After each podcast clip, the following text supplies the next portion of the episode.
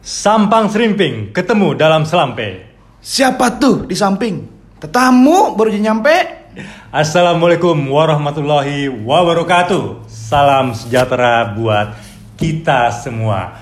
Ya, ketemu lagi dengan saya Moses Sosa dalam podcast Andri Tani bercerita dan tidak terasa kita sudah di episode kelima. Kelima, ya betul. Betul sekali. Ini episode kelima dan sepertinya ini episode terakhir saya untuk eh apa namanya eh, perkenalan dengan saya karena insya Allah mudah-mudahan saja di episode berikutnya kita akan mendatangkan bintang tamu karena mungkin pendengar sudah mulai bosan mendengar suara saya terus sama Pak Moses yang gundul ini.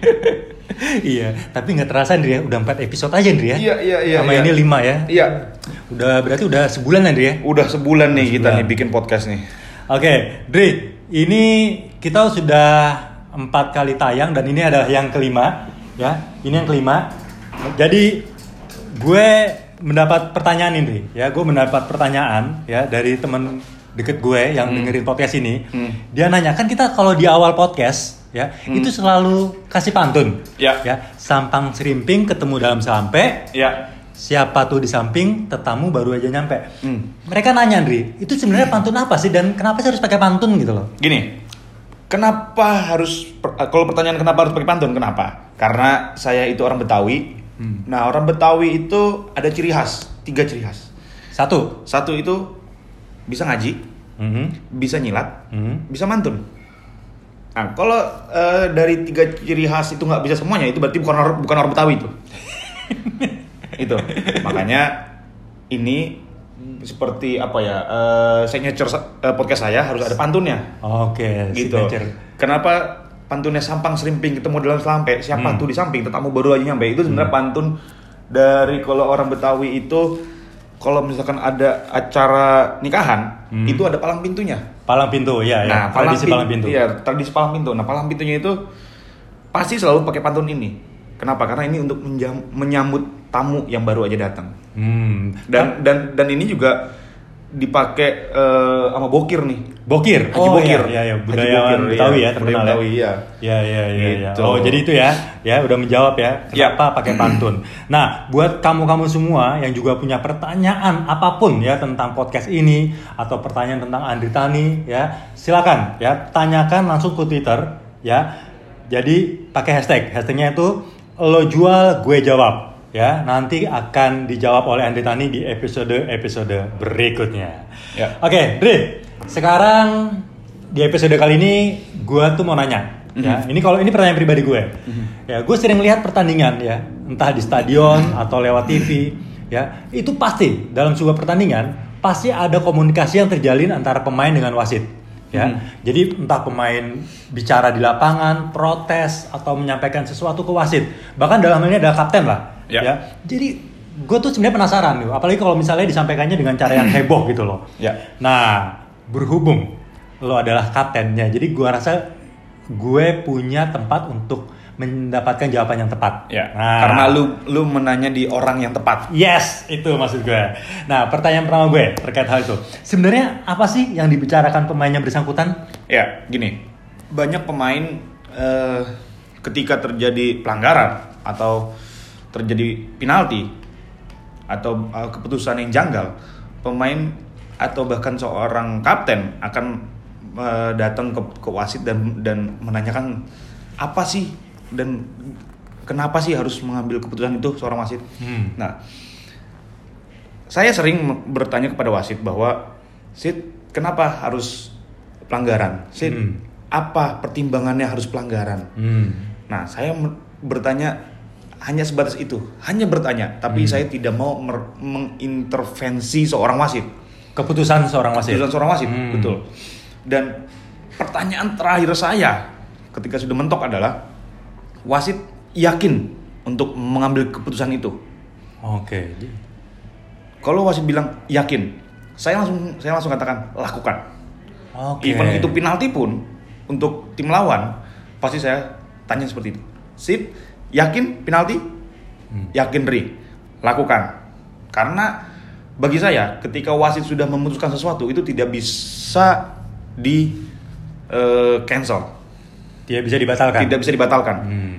Jadi bagi saya kalau memang wasit sudah memiliki keputusan, mem- sudah mempunyai keputusan, sudah tidak bisa kita perdebatkan lagi.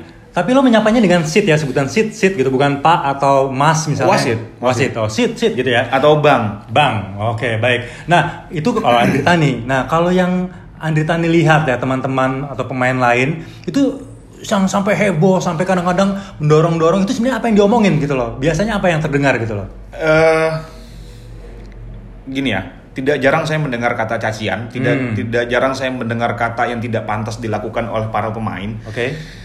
untuk eh, para pengadil lapangan, Ya. eh, untuk para pengadil pertandingan. eh apalagi harus sampai mendorong harus sampai mendorong wasit, harus sampai menyentuh wasit. Makanya kalau misalkan para pendengar Mhm. pernah melihat saya sampai saya melerai atau atau menahan para teman-teman saya dari eh, eh, wasit itu salah satu bentuk bagaimana tanggung jawab saya seorang pemain karena saya tidak mau ketika teman saya mendorong atau Hmm. menyentuh seorang wasit Iya iya. itu ada resiko yang besar yaitu terkena kartu merah. Iya. Kalau kita lihat eh, di liga-liga Eropa, wasit itu tidak ada yang bisa disentuh, wasit itu tidak ada yang bisa dicaci, wasit itu tidak ada yang bisa dimaki. Hmm. Jangankan maki, jangankan mencaci, menyentuh sedikit badan dari wasit itu aja itu Bisa akan mendapat bisa akan- hukuman ya. Bisa bisa mendapat hukuman yang Jadi secara tidak langsung Andri Tani sebagai kapten di sini melindungi teman-teman di timnya dan juga melindungi wasit. betul. Oke. baik. Saya kalau misalkan eh, para pendengar melihat ketika Persija melawan PS Tira tahun 2019, Hmm. ketika itu saya mengusir teman-teman saya untuk jauh dari dari dari dari wasit, Wasit. biarkan saya yang yang yang bertanya dan biarkan saya yang berdebat sama wasit. Itu salah satu bagaimana saya menjaga teman-teman saya dari eh, kartu. Kartu ya. Karena kita nggak tahu teman-teman teman-teman ini seberapa emosinya terhadap Hmm. wasit, seberapa emosinya eh, Takutnya tidak bisa tensi, mengontrol ya. tensi pertandingan itu. Takutnya tidak tidak tidak bisa mengontrol emosinya. Iya, itu iya. dia. Oke, Dri, kira-kira ada nggak momen dari lo yang tak terlupakan terkait interaksi lo dengan wasit? Apa kira-kira momen yang tidak terlupakan? Momen yang tidak terlupakan adalah eh bagaimana waktu Persija lawan Bayangkara. Persija lawan Bayangkara. eh itu tahun 2018 ke- atau atau 17 saya lupa. 2017 ya. 2017 sepertinya. Ketika itu Indra ada sedikit insiden dengan dengan dengan eh, Pak Ceco. Hmm. Dia sempat be- beradu mulut, bertengkar mulut Hmm. dan wasit pun di situ juga eh, memisahkan. Hmm. Pada akhirnya saya mendorong Indra, saya mendorong Indra agar harus mengontrol dirinya nih. Hmm. Walaupun sebenarnya kalau misalkan Indra Indra emosi itu men- mendapat sebuah keuntungan bagi Persija, tapi Hmm. Saya tidak mau melakukan itu. Saya tidak itu terjadi. Saya tidak mau itu terjadi. Kenapa? Karena itu tidak bagus untuk kita sebagai pesepak bola. Hmm. Itu tidak bagus di layar kaca Hmm.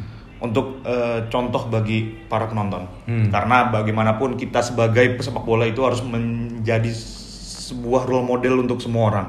Oke. Entah itu dalam lapangan maupun di luar lapangan. Nah, saat momen lo menahan Indra, ya, apa yang lo sampaikan ke wasit? Gue bilang, gue bilang sama sama wasit gue bilang, wasit lakukan aja apa yang harus dilakukan. Oke. Wasit berikan kartu jika itu pantas Hmm. Diberikan eh, ya. Diberikan. Oke. Itu. Oke oke oke. Event itu adalah untuk kakak sendiri ya. Betul. Oke mantap Betul. mantap mantap. Gitu. Oke Henry ya ternyata benar ya ya ini salah satu pertanyaan yang setelah bikin gue penasaran dan sudah gue tanyakan dan jawabannya sudah gue dapatkan dari lo. Apa yang ingin lo sampaikan Henry? Eh gini, gue ada dua yang harus gue sampaikan. Pertama adalah eh terkait komentar dengan eh, dengan seorang wasit. Hmm. Sebenarnya bukan hanya dengan seorang wasit, dengan siapa pun itu kita harus memiliki etika Oke. untuk menyampaikan pendapat, untuk menyampaikan sesuatu yang ada dalam pikiran kita. Oke. Entah itu sama atasan, entah itu sama bawahan, kita harus menyamaratakan bahwa posisi kita adalah sama-sama manusia. Oke. Jadi tidak ada atasan, tidak ada bawahan dan bagaimana cara penyampaiannya. Hmm. Itu yang harus kita tanamkan. Karena walaupun it- kita eh, kita atasan walau, ataupun kita bawahan, kita harus punya etika untuk berbicara. Oke. Dan yang kedua, untuk para eh, pelaku eh, sepak bola Hmm. Harus memiliki etika bagaimana kita eh, berkomunikasi sama wasit. Oke. Dan kita harus punya etika berada di dalam lapangan. Hmm. Jangan sampai kita jotos-jotosan dalam lapangan karena kita adalah pesepak bola, bukan petinju. Kalau kalau kita seorang petinju, kita harus jot- jotos-jotosan di dalam ring. Hmm. Tapi kita, kita pesepak bola, kita bukan bukan untuk eh, adu jotos. Oke. Karena pertandingan kita selalu live, pertandingan kita selalu didatangkan eh, dihadiri oleh para para, para penonton, Hmm. event itu datang ke stadion Mhm. ataupun ditonton melalui eh, Layar kaca. layar kaca. Hmm.